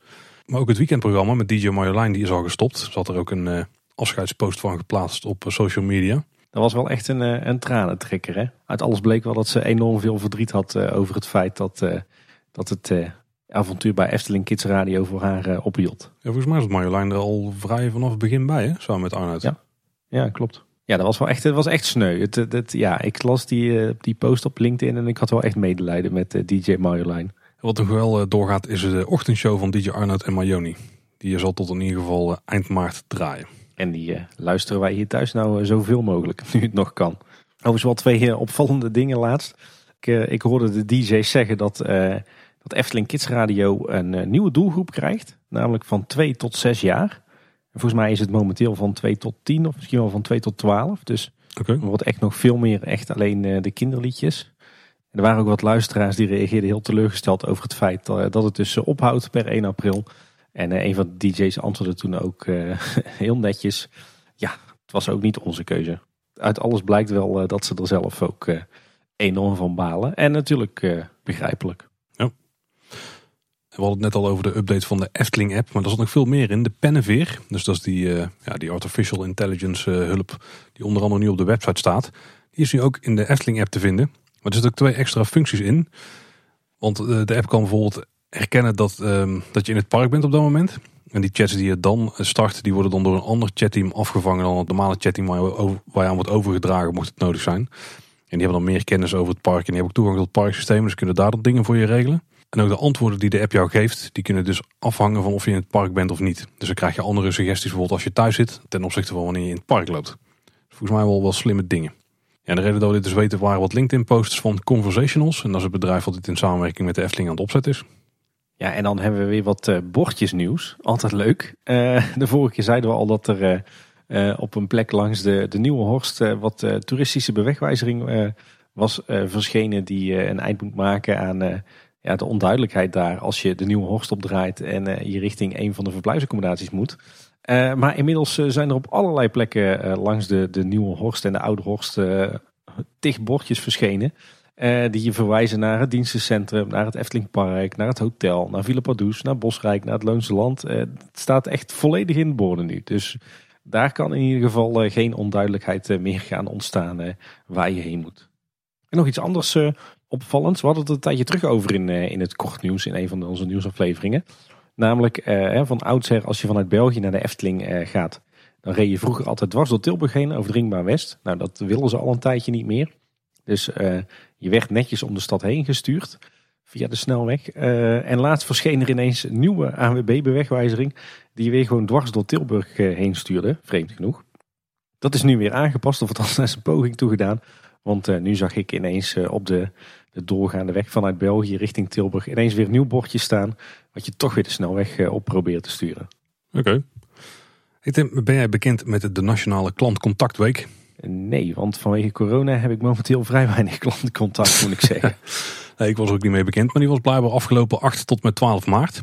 En speciaal voor die gelegenheid heeft het Efteling Contactcenter, dus specifiek dat team, een eigen Instagram kanaal geopend. En daarbij kwamen dagelijks video's bij van mensen van het team die vertellen wat ze voor werk doen en wat het allemaal inhoudt. En hoe het cont- contact met de klanten dan eh, eraan toe gaat. Ik denk dat die inmiddels weer is opgegeven, maar heb je het mogen meemaken, dan eh, heb je er toch een mooi kijkje achter de schermen gekregen. Ja, weer een leuk eh, berichtje op LinkedIn vanuit de Efteling-organisatie. Want vandaag, we nemen dit op op donderdag 11 maart, hebben ze een eh, cheque overhandigd aan Villa Pardoes. Het Efteling-personeel en dan met name het eh, fietsend personeel. Eh, want heel veel medewerkers hebben punten gespaard door op de fiets naar het werk te komen. En een eh, groot deel van hen heeft ervoor gekozen om die punten om te zetten in een donatie naar, aan Villa. Eh, en daarmee hebben ze maar liefst 4.103,70 euro eh, opgehaald. En dat is vandaag overhandigd door Harry Brekelmans. Volgens mij kan ik me uit mijn tijd nog herinneren dat hij bij de, de WOD werkte. De werktuigbouwkundige onderhoudsdienst, zoals dat toen zo mooi heette. Eh, en hij was volgens mij degene die het eh, meeste kilometers had gefietst. En we kregen ook van een aantal luisteraars te horen, volgens mij was Casper de eerste die het meldde, dat er nieuwe satellietfoto's van Efteling op Google Earth staan. Met de bouwplaats van Max en Moritz en een leeg parkeerterrein. Want deze foto's die zijn dus genomen tijdens de lockdown. Ja, tijdens de eerste lockdown, hè, aangezien de Maxim Moritz nog een bouwplaats was. En dan moeten we ook felicitaties gaan uitbrengen, Tim. Ja, Want eh, onze vaste contactpersoon bij de Efteling, Steven van Geels, eh, let op, die ga je binnenkort nog eh, iets uitgebreider horen in Kleine Boodschap. ja veel uitgebreider maakt dat er maar van. Die heeft zijn vriendin ten huwelijk gevraagd All You Need Is Love. Dus, en toen zei ja, ook wel belangrijk om mee te, mee te geven. Dus gefeliciteerd Steven en vriendin, of toekomstig vrouw. Ja, goed gedaan Steven. En dan nog wat nieuws van het Anton Pieck Museum. Er komt een nieuwe expositie, hè? Ja, inderdaad. Er komt een expositie die draait volledig rond het sprookje van Roodkapje. Eh, en dan met name natuurlijk de originele ontwerptekeningen van eh, Anton Pieck. Eh, het gaat in totaal om 29 ontwerptekeningen. De expositie die start op 8 juni 2021. Uh, onder volbehoud uh, tot dan natuurlijk de musea weer open zijn. Ik hoop het wel. En uh, voor kinderen is er dan ook een speciale speurtocht. Maar ik ben vooral benieuwd naar, naar al die ontwerptekeningen van Piek voor dit sprookje. Komt het in dezelfde ruimte als En zijn leven nog lang en gelukkig te staan dan? Ik denk het wel, ja. Daar op zolder, ja. Hmm. Als die helemaal gaat verdwijnen, dat zou zonde zijn. Maar 29 nieuwe ontwerptekeningen. Ik hoop dat je daar een beetje zo het verloop ziet in het ontwerpidee. Ik ben heel benieuwd. Ja, ik, uh, ik denk het wel. Ik denk dat dat inderdaad is wat we gaan zien. Van de, de allereerste ruwe schetsen tot uh, de uiteindelijke detailtekeningen. Ik zat trouwens uh, nog wat whatsappen met Francine ook. De achterkleindochter van, van Anton Pieck. Omdat ik had ontdekt dat er wat veiligheidsissues waren met hun website. Had jij dat ontdekt, Tim? Dat had ik ontdekt, ja. Zo, zo, zo. en je, je houdt het niet voor mogelijk. En uh, ik geloof dat uh, tegen de tijd dat die expositie uh, opent, dat we daar ook wel weer eens op de koffie mogen. Ja, en heel tof. Op Ftpedia is het lemma van Fata Morgana uitgebreid. Met name met een hele berg foto's, 60 stuks, van fotograaf Chris van der Zanden, die wij natuurlijk goed kennen. Dus check zeker het lemma van Fata Morgana op Ftpedia. En nou we het toch over Chris hebben. Lief, die korte film, of minifilm die Chris heeft gemaakt die soundtrack daarvan die is nu ook beschikbaar op alle grote streamingplatformen. Dus Spotify en Apple Music, daar kun je die uh, muziek downloaden. Heeft al uh, regelmatig aangestaan bij mij. dat is natuurlijk muziek van onze René. Ja, inderdaad. Een echte René Merkelbach uh, klassieker. En, en voor diegenen die het gemist hebben, de film staat inmiddels ook op, op YouTube. Hè. Die, die kon je al vinden in de show notes van de vorige nieuwsaflevering. Maar die zullen we ook nog wel eventjes in de show notes van deze aflevering zetten. En nog wat Lego nieuws. We hebben Tom al regelmatig aangehaald. Die maakt een hoop mooie pretpark gerelateerde creaties. Maar die heeft nu een nieuwe serie opgezet voor de Efteling. En dat noemt hij de Modular Series. Die heeft hij eerder eentje gemaakt van Disneyland Parijs. En daar zijn dus eigenlijk hexagonale plaatjes die je aan elkaar kunt schuiven om tot één groot park te komen. En daar gaat hij nu dus steeds stukjes van de Efteling van maken. En die kun je dan samenvoegen tot ja, een, een groter geheel zeg maar. En hij begint met het Huis van de Vijf Zintuigen. En dan zal de komende tijd zal hij daar nog veel meer van uitbrengen. Dus wil je er nou blijven volgen, dan kun je het beste denk ik gewoon Tom DB. Dus check even het linkje in de show notes.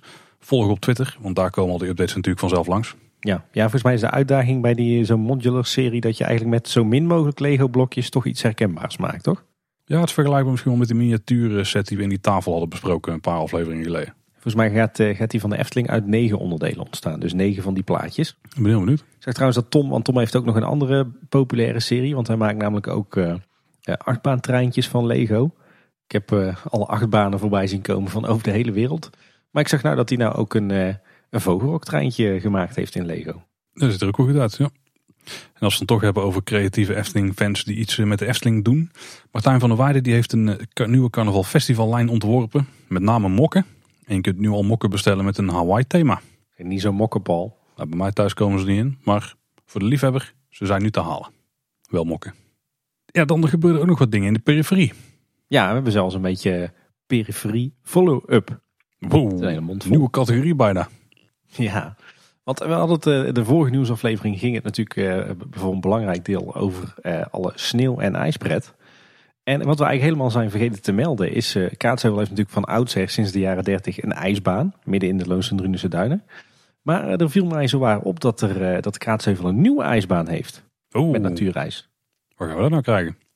En die ligt in, of eigenlijk net tegen de wereld van de Efteling aan. Ja, bij de brandweerkazerne in de buurt daar. Ja, ja, ja, ja, ja want volgens mij een jaar geleden heeft de gemeente wat extra retentievijvers gegraven echt tegen, ja, tegen parkeerterrein KLM aan. Vlakbij het oude politiebureau en de brandweerkazerne. Dat zijn een paar grote vijvers geworden. Die liggen ook weer vast aan uh, de vijvers van de Efteling. En uh, daar werd uh, volop op geschaatst tijdens de, de vorstperiode. Dus geen officiële ijsbaan, maar een soort spiritueel opvolger. Ja, zo net. Net nog in de wereld van de Efteling volgens mij. Ja, hij valt in ieder geval in het bestemmingsplan, dat weet ik wel. dat wel, ja, dat klopt. Ja. En dan iets wat, uh, wat in diezelfde hoek speelt. Ik zag in de Duinkoerier, ons lokale krantje, ook nog een vergunningsaanvraag voor een uh, tijdelijk opslagdepot aan de Dodenauweg. Dat is natuurlijk uh, de weg die uiteindelijk uitkomt in het buurtschap Bernse Hoef. En die natuurlijk dwars door de wereld van de Efteling loopt. En ik ben heel benieuwd waar we daar opslag voor gaan krijgen. Of dat dat gaat zijn voor bouwwerkzaamheden van de Efteling. Of dat het misschien eh, te maken heeft met eh, de herinrichting van eh, de wijk aan de overkant van de Europalaan. Maar daar, daar zullen we waarschijnlijk binnenkort wel achter komen. Ja Tim, en wat viel mij op?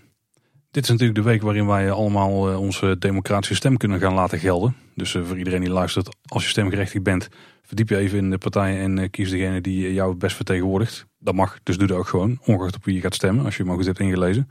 Maar we kregen de lijst binnen van stemlocaties in Loon op Zand. En daar stond gewoon een stukje wereld van de Efteling tussen. Ja, Het is wel het minst Eftelingse stukje wereld van de Efteling, denk ik, dat wel. Maar toch? ja het, eh, het oude Rabobank kantoor eh, wordt ingezet als stembureau. Ja, daar gaat toch de plek zijn waar ik denk mijn stem ga uitbrengen. Al is het maar omdat je dan in de wereld van de Efteling kunt stemmen. Nou, dat we gewoon in de Efteling weer een keer zijn. Een soort van, heel erg verder. Ja, inderdaad. Ja, want het, eh, het Rabobank kantoor is natuurlijk al een tijdje eigendom van de Efteling. En ze krijgen het ook niet verkocht, dus het zal nog wel even blijven. Misschien verklaart dat wel waarom ze het laatst eh, zelfs de ramen aan het lappen waren. Zodat mensen, ja, ik weet niet, misschien moeten ze juist een beetje vies laten dat niemand kan spieken bij de stemmende mensen. Ah ja, ja. Nee, maar ik, eh, ik ga daar stemmen, ja. Dus, dus nogmaals, luisteraars, ga je stem uitbrengen deze week. helemaal eh, mee eens. En mocht je nou overigens niet willen stemmen op de Tweede Kamerverkiezingen, er is gewoon nog iets waar je op kunt stemmen deze week, Tim. Want gemeente Loon op Zand is genomineerd als wandelgemeente van het jaar. Kijk aan. En tot de 19e kun je daarop stemmen. Dus doe dat via het linkje in de show notes. Want wij denken dat dat natuurlijk niet meer dan terecht is. Want zeker met de Loonse en Runense Duinen en het gebied eh, en, en, en het Loonse Land natuurlijk, laten we dat niet vergeten. Is Loon op Zand wel een prima wandelgemeente. Ja, ik geloof dat ze samen met eh, twee andere dorpen genomineerd zijn. Hè? Ik vermoed dat er wel eentje op de Veluwe zit en misschien nog een stad of zo. Dat durf ik zo niet uit mijn hoofd eh, te zeggen, Paul. Maar wel een mooie prestatie dat ze zo hoog geëindigd al zijn. Dat is overigens niet voor niks. Want wat mij nog opviel deze afgelopen weken... is dat ze lekker groen bezig zijn eh, in onze gemeente. Want eh, er zijn maar liefst 200 nieuwe bomen geplant in eh, de dorpen Loon op Zand en Kaatsheuvel. Ter vervanging van heel veel bomen die de afgelopen jaren zijn doodgegaan en verdroogd. of die zijn gekapt. En een flink aantal van die bomen staan ook in de wereld van de Efteling. Bijvoorbeeld langs de Europalaan. Dus er zijn lekker veel nieuwe boompjes geplant. Daar heb ik nooit problemen mee. Heel goed. Nee. Goed bezig gemeente. Ja, en tot slot nog een bouwupdate. Ook altijd leuk. De, de F261, de fietssnelweg eh, tussen Tilburg en Waalwijk, eh, is voor wat betreft onze gemeente in de laatste fase beland. Namelijk eh, tussen de gemeentegrens bij Tilburg en de Eftelingse straat. Wat ik heb gezien is dat er inmiddels de 75 bomen langs de Horst zijn gekapt. En er werd nu ook duidelijk waar dat precies is. Want dat is ja, eigenlijk nog een randje van het natuurgebied Loonse Land wat is weggekapt. Ja, want aan die kant komt dus de brede rijbaan te liggen voor de fietsers. Ja, wel heel zuur dat je dus 75 stokoude bomen gaat kappen om een fietspad te verbreden. Daar kan je toch ook eh, achter je oren krabben of dat nou eh, heel erg duurzaam is. Maar goed, eh, er zal wel over nagedacht zijn. Maar die bomen die, eh, die zijn inmiddels dus eh, geveld. Dus er is weer een klein stukje eh, bosgebied van het Loonse Land af. En ik zag vandaag trouwens ook nog een nieuwe vergunningsaanvraag staan voor de kap van nog eens 25 bomen op dat traject. Dus daar gaan er nog een paar uit. En eh, verder viel me op dat eh, bij het busstation Loon op Zand dat ze daar eh, nu de damwanden aan het intrillen zijn. Dus daar gaat een stukje van het, het wegteluut verdwijnen om het fietspad te kunnen maken. En er stonden verkeersregelaars bij van de Efteling. Ja, en dan zijn we toch alweer richting het eind van de aflevering, Tim. Maar niet voordat we en dan nog dit bespreken. Ja, heb jij nog wat op je hart? Nou, weet je wat is, Tim? Donderdagavond. Godsamme, gaat helemaal gelijk, ja. Maar dan moet ik geen retorische vragen stellen natuurlijk. Ik kreeg hem gewoon terug. Ik eh, hou wel van een computerspelletje, dat weet jij. Ja. En eh, ik ben altijd op zoek naar eh, een manier om mijn kinderen daar wat meer mee in te betrekken. Want de leeftijd waar ze nu nog zitten is best lastig om leuke computerspellen te vinden die ik leuk vind en die zij ook leuk vinden. Ik bedoel, we kunnen Mario Kart samen doen. Want dan kun je van die automatische bedieningen aanzetten, zeg maar. Dan, dan kun je gewoon een beetje meesturen, maar je voertuig gaat niet zo snel van, van de baan af. Maar daar valt de uitdaging voor mij wel vrij tegen dan in dat geval. Eh, en je wil de kinderen ook wel het gevoel geven van eh, dat ze het goed doen, zeg maar. Daar zijn die voor mij vooral heel erg eh, gevoelig voor. Als ze niet winnen, dan is het al gauw niet leuk meer, weet je wel. Ja, herken ik wel. Maar er is nou een nieuw spelletje voor de Switch. Volgens mij sinds een aantal weken.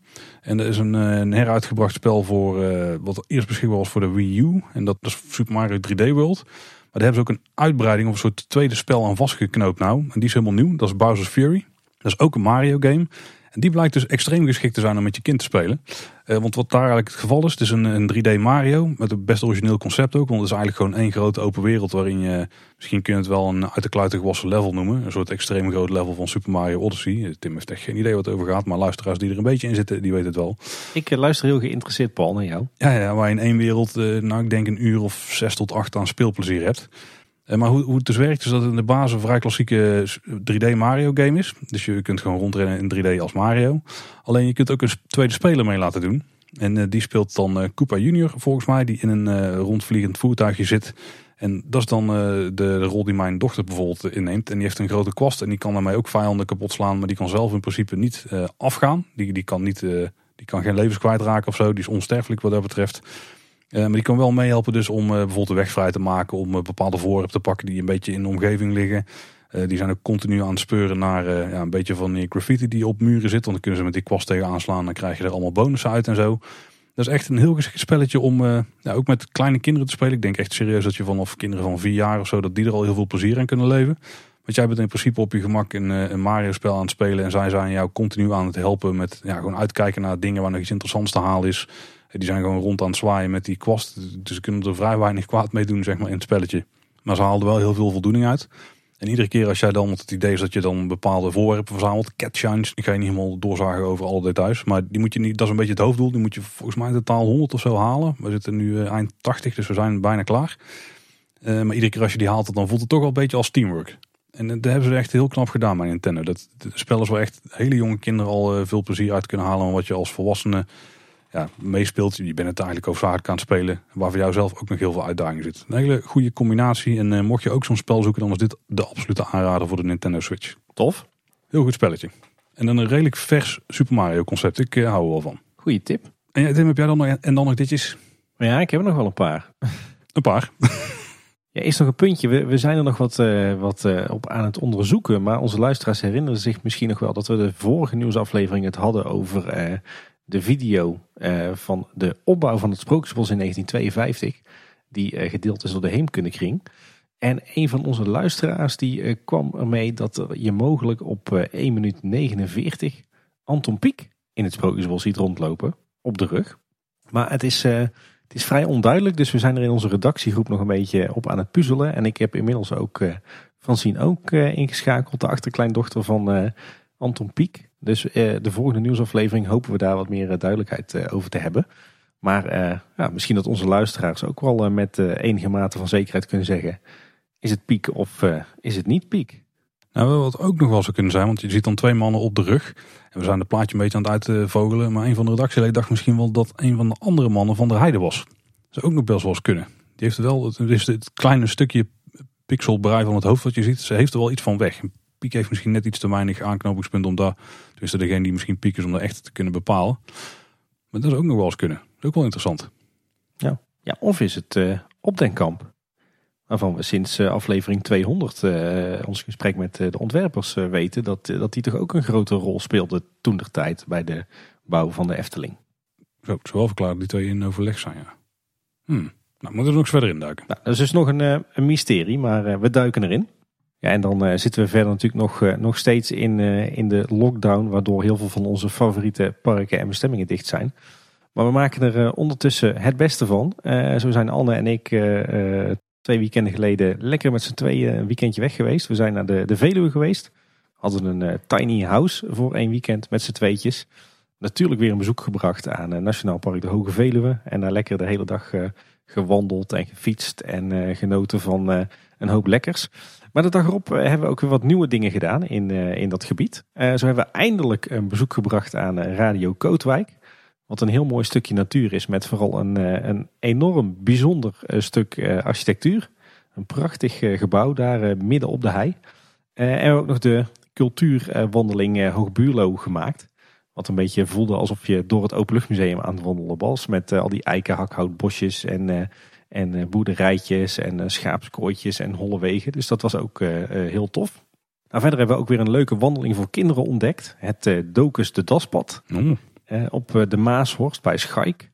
Als je daarna wat meer van wil weten, bijvoorbeeld omdat je zelf weer eens wat anders wil doen, dan raad ik je aan om de blog te lezen die Anne heeft geschreven op, op wegmetmama.nl. Daar zal ik ook even naar linken. En heeft ze trouwens nu ook een blog geschreven over Forte Roveren, waar we de vorige nieuwsaflevering al over berichten. Dus uh, wellicht dat je daar uh, zelf ook nog wat inspiratie uit kan opdoen. En binnenkort gaan we trouwens weer een weekendje weg. Dan gaan we eens logeren op een farmcamps.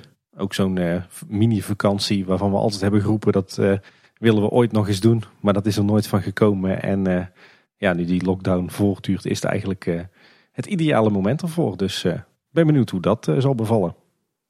Ik moet zeggen dat heel veel mensen zeggen dat ze dankzij de, al die lockdowns dat ze heel veel geld overhouden. Maar op de een of andere manier wilde bij ons nog niet zo lukken momenteel. dan nog een leestip. Eerder hebben we het al wel eens gehad over het boekje Project Future. Wat gaat over totstandkoming van Walt Disney World. En dan met name dat hele traject van het, het opkopen van al die gronden en het, het stichten van eigen gemeentes en waterschappen daar. Nou, dat was een behoorlijk ingewikkeld en gordroog boek. Maar er is nu eigenlijk een, een nieuw boekje uitgekomen over hetzelfde onderwerp, maar dan heel anders geschreven. Buying Disney's World is te krijgen via Amazon in Amerika. ik heb inmiddels besteld. Hij is hier ook afgeleverd en ik ben ongeveer halverwege. En ik moet zeggen, dit boek is echt een verademing. Dus als je de totstandkoming van Walt Disney World nou heel erg interessant vindt, dan kan ik deze veel meer aanraden dan Project Future. Want deze kan je ook gewoon lezen als, als leek. Hier hoef je niet per se planoloog voor te zijn. Het Engels is ook wat begrijpelijker en het leest gewoon heel lekker weg. Het is heel smeuig. en het gaat eigenlijk ook wat meer over het, het bredere verhaal. Hè. Dus het begint ook echt bij Disneyland in Anaheim. En het neemt ook wat meer de bouw mee van het resort. Dus super interessant. Verder zag ik ook nog een leuk draadje voorbij komen op Twitter.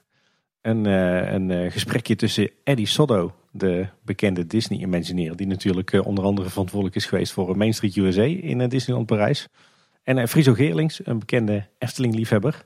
En dat ging weer over zo'n mooi detail. namelijk de gaslantaarns in Main Street USA met die, die vlammetjes. Ja, ja, ja. Heel sfeervol. En uh, ging het er met name om uh, dat dat vlammetje eigenlijk niet authentiek is. Want gaslantaarns hadden vroeger namelijk uh, van die kousjes die dan wit oplichten als ze branden. Maar daar zijn ze bij Disney uiteindelijk van afgestapt omdat die flakkerende vlammetjes toch sfeervoller waren. En juist de mensen meer zo'n authentiek gevoel gaven. En de link met de Efteling, en dat is wel leuk, is dat, dat je die gaslampen ook hebt bij de Smulpaap. Het, het nieuwe Anton Pieckplein dat in 2003 is gebouwd naar een ontwerp van Michel den Dulk. Daar waren in eerste instantie ook gaslantaarns met, met van die kousjes die wit opgloeien als ze aanstonden. Maar ook in de Efteling zijn die uh, vrij snel omgebouwd naar uh, gaslantaarns met, met van die vlammetjes. En als je nou denkt van, oh die Eddie, is toch wel interessant, die ga ik nu volgen op Twitter. Volgens mij heeft hij een tijdelijke Twitterstop ingelast. Ik denk dat je even een paar maanden zonder Eddie Sotto Twitterberichting moet doen. En dat is jammer, want hij heeft altijd inhoudelijk wel hele goede berichten. Ja, maar dan kun je nu kun je Jim Schul bijvoorbeeld volgen, die plaats vergelijkbare zaken. Ja, en Tom Morris is ook leuk. Ja. Joe Rody was ook leuk, maar die is uh, nu weer heel stil. Dus, uh... Ah, hij is weer bezig met zijn uh, vlekken in het stoep en zo. Je mag nu zelf kiezen welke vlek die gaat uitwerken tot een themagebied of iets in die geest. dus er is weer van alles te doen met Joe Rody. Ja, mooi man. Hey, en tot slot nog twee luistertips van collega podcast. Zoo Inside aflevering 121 was heel tof. Daar gingen ze zo waar op bezoek in de Beekse Bergen. Natuurlijk een andere thuispark van mij ook. En daarin kregen ze uitgebreide uitleg over eh, de grote verbouwing die daar momenteel gaande is aan de wandelsafari. En eh, ik schrok ervan hoe uh, ingrijpend dat die wordt aangepakt momenteel. Oh, niet spoilen, want dan ga ik het ook even checken. Ja, daar gaat heel wat veranderen. Ik denk dat je een deel van de wandelsafari van de Beeksbergen niet meer terug kent als je daar weer naartoe mag na de lockdown. En ik vond aflevering 10 van seizoen 9 van onze grote voorbeelden van Ochtend in Pretparkland ook heel tof. Want daarin hebben Erwin en Tom het over eh, hun favoriete voorshows in eh, pretparkland. En eh, gelukkig komen nou, toch wel karakteristieke Efteling voorshows zoals die bij Villa Volta en Symbolica en Baron 1898 ook uitgebreid aan bod. Dus dat is zeker een luistertip. Zoals altijd ja. ja. Hey, dan zijn we aan het eind van de aflevering gekomen Tim. Maar niet voordat we een aantal reviews gaan voorlezen die we hebben binnengekregen. Hartelijk dank daarvoor, want luister je ons nou in een podcast app, met name Apple Podcast... Dan kun je daar altijd een review en achterlaten en een sterren rating. En helpt andere mensen om weer om ons eh, te vinden. Dus dat kunnen we wel heel erg waarderen als mensen daar eens achterlaten. Zo liet onder andere Lieke van Kuik een berichtje achter. En ze schrijft, het is net of je zelf in de Efteling bent als jullie over een bepaald onderwerp vertellen. De hele magie van de Efteling is door het scherm en de koptelefoon heen te horen. En zorgt in deze vervelende tijd waarin we niet naar het park kunnen alsnog voor het echte Efteling gevoel. Mannen gaan zo door. Ja, heel tof om te horen. En eh, van Kia Kia 9191 kregen we ook nog een review. Uh, namelijk, Paul en Tim lijken wel eens te denken dat hun podcast niche is. Maar naar mijn mening is hij voor elke Efteling-liefhebber leuk. Als persoon uit de Randstad die de Efteling misschien 25 keer heeft bezocht en zonder interesse in een ander pretpark, laat staan in pretpark in het algemeen, luister ik elke week met veel plezier naar hun toch best wel grote boodschap. Ik was inmiddels een klein beetje uitgekeken op de Efteling, vloeken in de kerk, ik weet het. Maar door deze podcast ga ik er toch weer anders naar kijken en zal ik bij een volgend bezoek veel meer oog hebben voor detail en misschien zelfs de techniek erachter. Kijk, dat horen we graag. Dankjewel. Ja, heel cool. Ja, en dit is dan wel voor nu de, het eind van deze aflevering. Maar later deze week is er nog meer kleine boodschap. Dus uh, kijk ook deze week weer uit naar een bonusaflevering in je podcastfeed. Ja, inderdaad. Kijk uh, op donderdag uh, weer even naar je podcast-app of naar onze website. Ja, en we krijgen natuurlijk een hoop reacties van iedereen. En ook daar hebben we weer een keer de tijd voor genomen om daar een aflevering over op te nemen. Maar wanneer die precies uitkomt is nog niet helemaal duidelijk. Maar hij staat inmiddels op band, dus blijf de reacties sturen. En dat kan natuurlijk op veel verschillende manieren. Onder andere via Twitter, daar zijn we Edka Boodschap. Ja, en op Facebook en Instagram zijn we Kleine Boodschap. En we hebben een website, kleineboodschap.com, met een contactformuliertje waar je ook een heel lang verhaal kwijt kunt. En er staan ook natuurlijk alle show notes van alle afleveringen, kun je ook luisteren. Maar als je een lang, echt een lang verhaal wil sturen, of misschien een voice clip, dan kan naar info.kleineboodschap.com. En verder luister je ons natuurlijk in alle podcast apps, in Spotify en op onze website. Dat was weer voor deze week. Bedankt voor het luisteren. Tot de volgende keer. En houdoe. Houdoe waar.